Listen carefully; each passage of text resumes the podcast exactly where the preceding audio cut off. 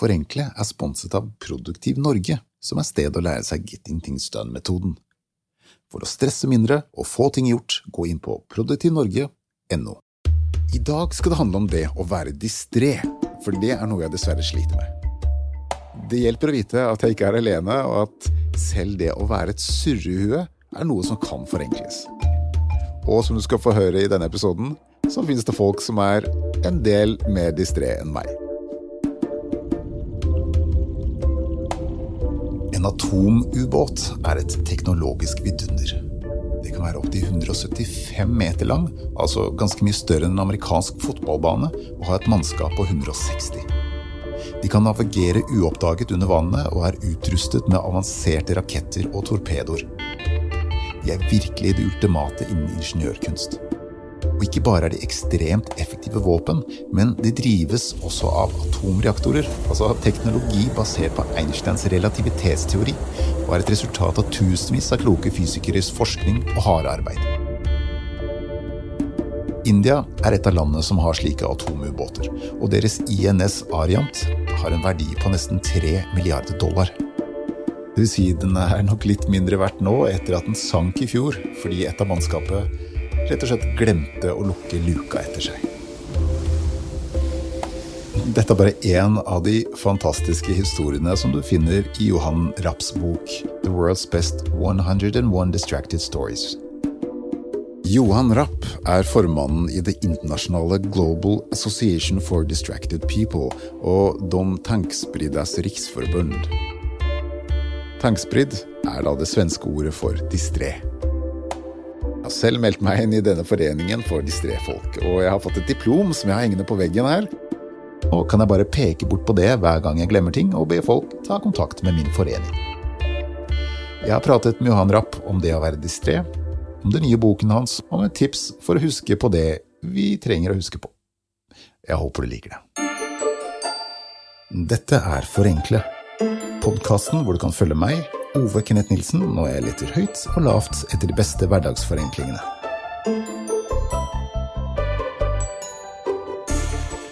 Jag heter Johan Rapp och eh, är ju tankspridd och har varit tankspridd. Och eh, för länge sedan så var vi ett gäng tankspridda människor trivs ofta bra tillsammans. Alltså det är någon likhet där.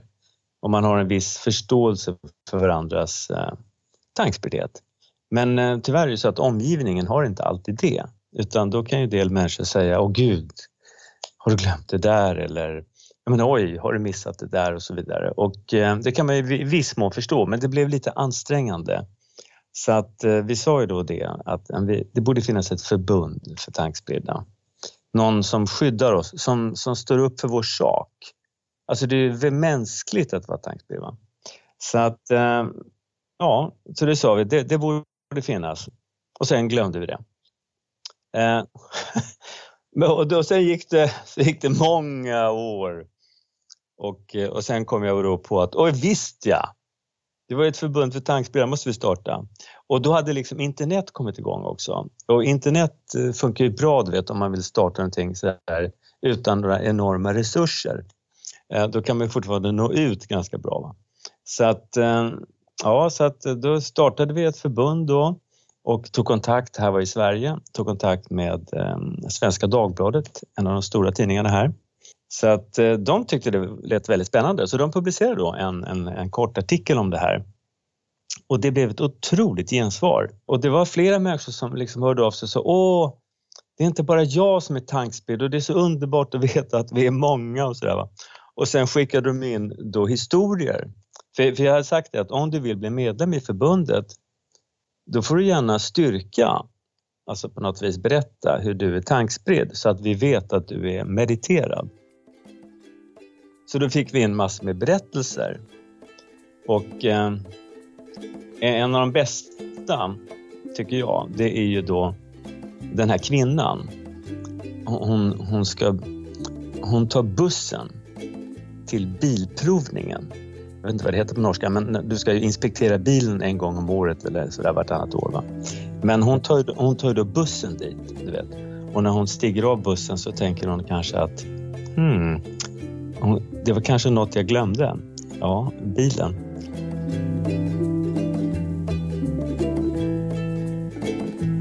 Och sen har du ju folk då som glömmer, du vet de ska gå ut med hunden och så glömmer de hunden. Och en fråga som jag fick en gång av en sån här, du vet, skjutjärnsjournalist. Sen liksom, ja, men tankspirret, är det så bra det tycker du? Eh, men hur, vad säger du om de här eh, som glömmer sina barn? Tycker du att det är okej okay att glömma sitt barn? För det finns många sådana exempel. Och eh, då var jag faktiskt helt ställd först. Liksom. Det, var, det var precis i början. Jag ville krypa under stolen sådär. Nej, kanske. Men nu har jag förstått vad det betyder. Alltså, det visar bara hur stark tanksprigheten är. För vem fan glömma sitt barn? Det är det sista du vill göra. Och ändå kan det hända hos en del människor va? att de gör det. De glömmer barnvagnen någonstans till exempel. Eller eh, de glömmer sin unge på en bensinmack och åker vidare. Sådana där exempel finns det. va. Tankspelet handlar ju om att du har ditt fokus på någonting så starkt att du glömmer någonting annat. va? Mm. Eller hur? Och, eh, så det är, det är liksom definitionen som vi använder för tankspriddhet. Du fokuserar så hårt på någonting att du glömmer något annat. Och eh, faktum är det nu att i dessa tider, du vet, med, med smartphone och såna här grejer. Va? Och du vet, eh, det är säkert samma sak i Oslo och andra städer i Norge. Att eh, man ser såna här så kallade smartphone zombies. Alltså folk som går omkring och stirrar in i sin, sin, iP eh, sin iPhone eller något sånt där. Va? Och de, de har ju sitt fokus någon helt annanstans. På engelska så heter de distracted walkers. Du vet, de går bara rakt ut i gatan och sen kommer en lastbil och kör över dem. Alltså det, det, det, där har det allvarliga konsekvenser. Och en annan grej är ju eh, inom sjukvården. Där finns det en del såna makabra exempel på hur läkare har glömt saker och ting i patienter. Man har till exempel hittat eh, en operations... Du vet sådana som man klämmer fast med en slags sax va? och så kan du liksom klämma fast ett blodkärl eller sånt där med det där. Du vet hur de va? Och då man hittar det, du vet. Den här patienten har sagt att jag har faktiskt lite ont i magen. Jag tar massor med prover hit och dit. Va? Och någon gång har man upptäckt det när personen gick i, genom en säkerhetskontroll på flygplatsen. För det pep hela tiden. Och då förstod man, man fattade, men det, vad kan det vara? Och till slut så förstod man att det låg en stor metallbit i magen på den här människan. Ja, så, så att eh, där har det lite allvarliga konsekvenser. Men vem är den typiska medlemmen av förbundet? Är det någon fällesträck där? Ja, man kanske skulle tro du vet, att det är någon med rufsigt hår och som har som trasig skjorta och sådär och går med olika skor. Och, och, det kan det ju vara. Men det, det, till exempel revisorer, alltså folk som verkligen vet, ska hålla ordning på saker och ting, eh, de är ganska väl representerade här. Och sen har du ju då professorer det är det klassiska. Alltså eh, den tankspridde professorn, du vet. Va? Alltså eh, ikonen för det här är ju Einstein. Han var ju otroligt tankspridd. Va? Så att, eh, och det har ju gjort att vi tankspridda, och då kan ju du räkna in dig där Ove, alltså vi har ju en viss status eh, faktiskt. Va? Det, det, det tolkas, inte alltid, men ofta som ett tecken på intelligens. Du ska vara stolt över att du är tankspridd. Det är mänskligt. Man kan inte skämmas för att du är mänsklig. Eh? Så att, eh, det är det som är förbundets grej. Liksom, va? Det är mänskligt att vara tankspridd. Det, det är vi som ibland glömmer. Och eh, så att eh, det hela startade ju kan man säga med glimten i ögat, alltså med ett leende. Men eh, men vi har också gjort lite av en mission, alltså, alltså humaniserat synen på oss tankspridda. Jag känner en större acceptans.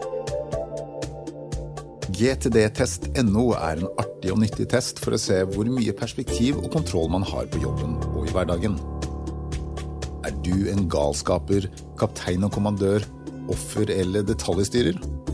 Det kan du finne ut av i løpet av ett par minuter på gtdtest.no. Første gang jeg tok testen, så falt jeg i galskaper-kategorien. Armer og bein der, altså. Men det fine med denne testen er at den gir deg noen konkrete tips om hvordan du kan forbedre deg. Så nå om dagen scorer jeg faktisk kaptein og kommandør. Trenger du mer kontroll på hverdagen? Gå inn på gtdtest.no. Hvert år rundt juletider glemmer familien til Kevin han hjemme i filmen Hjemme alene. Den filmen er en overdrevet komedie, men det å være distré, det kan være alvorlig nok.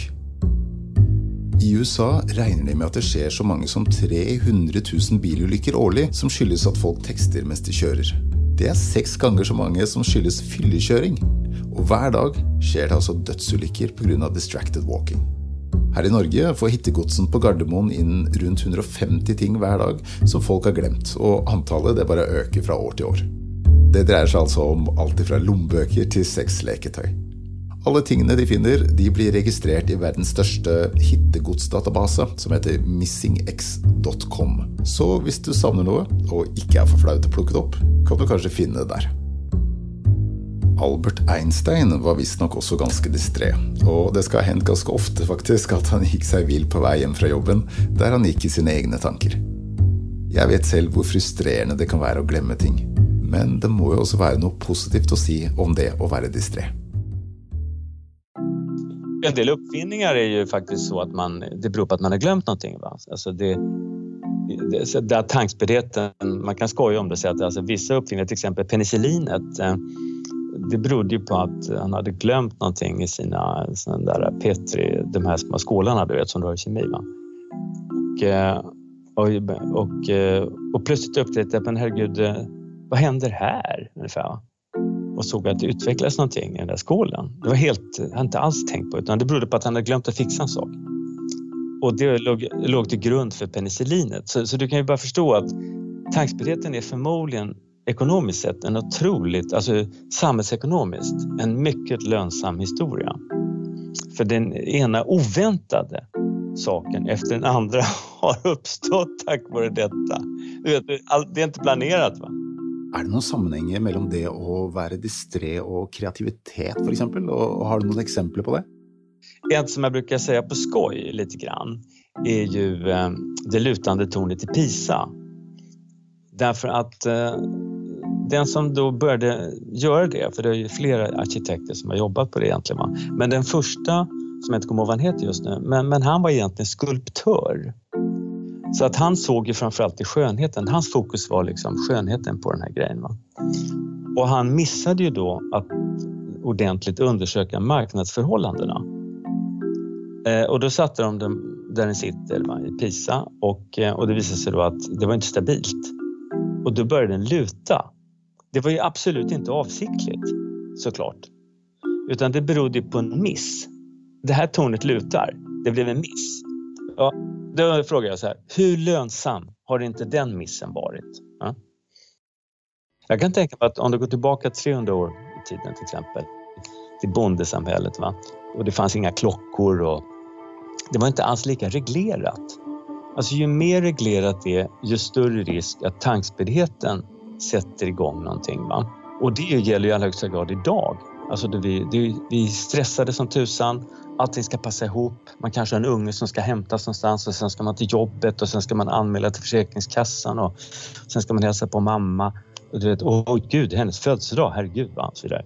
så att det är liksom bara en enda maler på. Det som är bra idag kan man säga, det är att vi får hjälpmedel. Tekniken kan hjälpa oss att förenkla, ta bort en massa ledgrejer som du vet, get to the point immediately liksom. Va? behöver inte hålla på med det där fylla i 15 blanketter och så, utan det kan du göra enkelt på nätet och sen så är det klart. Va? Alltså ju enklare du kan göra det, desto bättre blir det. Liksom. Det krävs förenkling, Ove.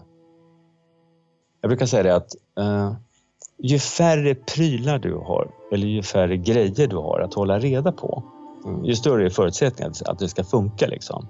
Och sen om du tittar på ens eget hem, om tar Steve Jobs till exempel, Apple-grundaren. Alltså hans axiom var ju egentligen förenkling, minimalisering. Alltså han, hans hem var tydligen bara du vet, ett bord och sen så var det liksom en vägg. Va? Alltså han drog det verkligen till sitt extrema. Även hans mat var ju bara ett salladsblad så att det var ju lite olyckligt. Va?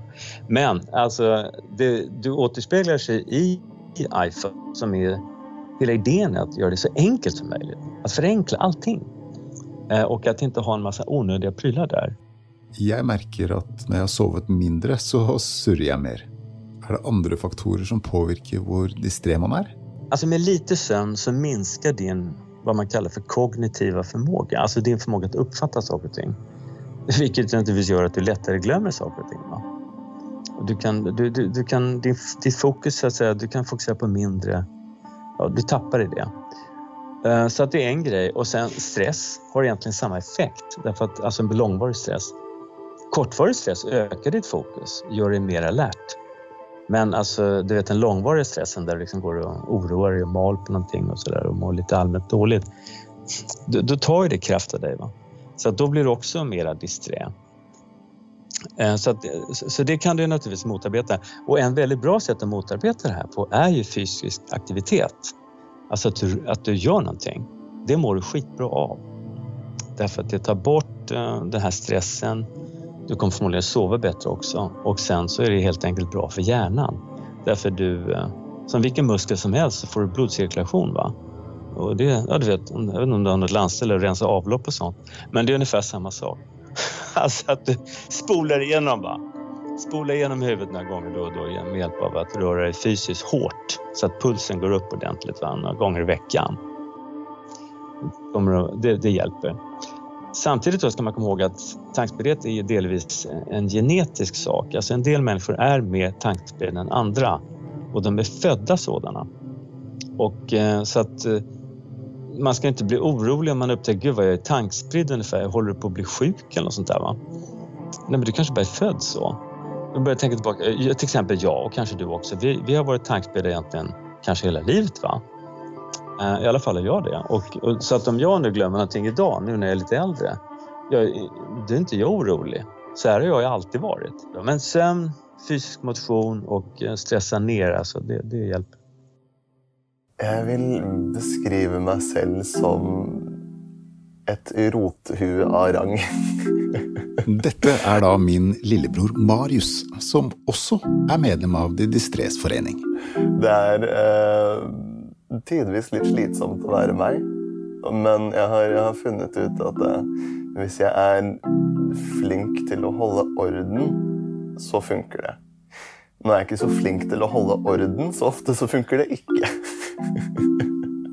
det, det, er liksom ikke de, de, store tingene, men det er også noe av det som uh, er mest irriterende, egentlig. Alle disse små tingene som til sammen blir utrolig irriterende. Jeg, jeg er jo, ja, som du sa selv, distré. Man skulle jo da tro at jeg klarte å finne en partner som på en måte veide litt opp for det her, men eh, jeg har jo funnet en partner som er omtrent like distré som det jeg er. För en, en, stund tillbaka så skulle vi på en, en hyttetur. Da skulle låna bil av uh, svigermor. Och det här är en sån där eh, nymotens bil. vet Du Du bara trycker på en knapp, och så kör du av gårde. Jag tror ha körde i kanskje eh, tid, så kom vi Jag var ganska törst och så ber Gunn om att svippa en liten tur innom eh, bensinstationen bensinstasjonen for å kjøpe noe å drikke. Så kommer jeg ut av bensinstasjonen, og så ser jeg hun, hun bare vinker meg inn mens hun kjører bortover. Og jeg skjønner ikke helt hva hun stresser sånn for. Vi har jo god tid. Og så kaster jeg meg inn i bilen, og så forklarer hun at bilen sier at hvis du ikke finner nøkkelen nå, så kommer den til å stoppe. For den nøkkelen den har vi glemt å ta med.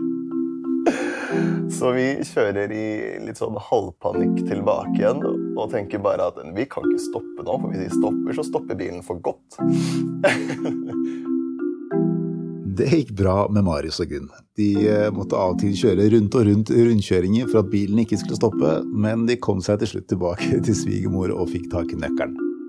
Det var et artig eksempel, men det er jo noen yrker og noen folk man helst ikke vil at skal være for distré. Doktor Atul Givande forteller i boka Checklist Manifesto om hvordan han og teamet hans introduserte checklister for kirurger, og om effekten det har hatt. Utgangspunktet var at man lenge hadde prøvd å få ned dødeligheten i operasjonsrom uten å lykkes. Først prøvde man kostbare og kompliserte løsninger som mer trening og dyrere utstyr, men ingenting ga resultatene de så etter. Hovedproblemet er at dagens kirurgi er blitt så utrolig kompleks. Mens én lege før i tiden kunne gjøre alt selv, så er dagens behandlinger ofte en symfoni av eksperter og prosedyrer som gjør det vanskelig for én en enkelt person å ha fullstendig oversikt. Jo mer man blir spesialisert innenfor ett lite område, jo lettere er det å overse feil som oppstår andre steder i prosessen. De endte opp med å se på andre høyrisikoyrker som byggindustrien og flyindustrien, og så på hvordan de brukte sjekklister for å øke sikkerheten. Gwander lagde til slutt sin egen sjekkliste for kirurger, og det var alt som skulle til for å halvere pasientdødeligheten. Det japanske jernbanesystemet er blant de beste i verden. Da jeg var i Tokyo, la jeg merke til en snodig ting som konduktørene drev med. Hver gang de kjørte forbi et lyssignal, så pekte de på signalet, og så sa de et eller annet. Og det viser seg at det de sa, var 'lyset er grønt'. Dette er en del av et sikkerhetssystem som kalles 'pointing and calling', og har som formål å redusere feil. På vei inn på stasjonen peker togføreren på speedometeret og sier nøyaktig hvor fort toget kjører. Når toget forlater stasjonen, peker han på togtabellen og sier hvor mye klokka er. Det er kanskje ikke pent å peke, men dette systemet er ekstremt effektivt og har redusert menneskelige feil med 85 man bruker øyne, hender, munn og ører, reduserer det sannsynlighetene for at en distré togsjåfør overser et rødt lys eller lignende, og flere land har begynt å bruke dette systemet. Alle typer minner forsvinner. Og Derfor tenkte jeg skulle tipse om en eh, spesiell app som jeg har brukt i noen år nå. Og Den heter One Second Every Day. Det den gjør, er at den lar deg fange ett sekund med film hver dag. Og tanken er at ett sekund er nok til å trigge minnet fra den dagen mye bedre enn et stillbilde, for eksempel. Gjør du det sånn cirka hver dag, så kan du til slutt spille av alle sekundene som én lang film, og huske alle dagene som ellers ville ha forsvunnet. Jeg bare elsker den appen. Sjekk også ut bøkene til Johan Rapp. Den siste heter 101 Distracted Stories, og hvis du er av den glemsomme typen, så kan du som meg bli medlem i foreningen The Global Association for Distracted People.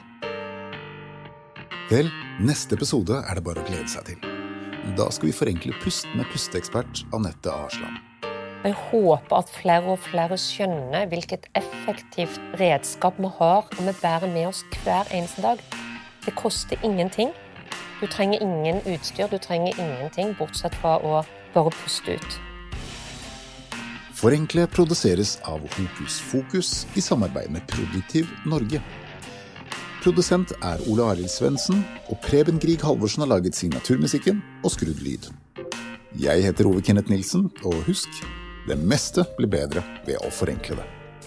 Og helt til slutt så har Johan Rapp et par tips til oss som er litt distré. Varje kväll så skriver jag vad ska jag göra nästa dag.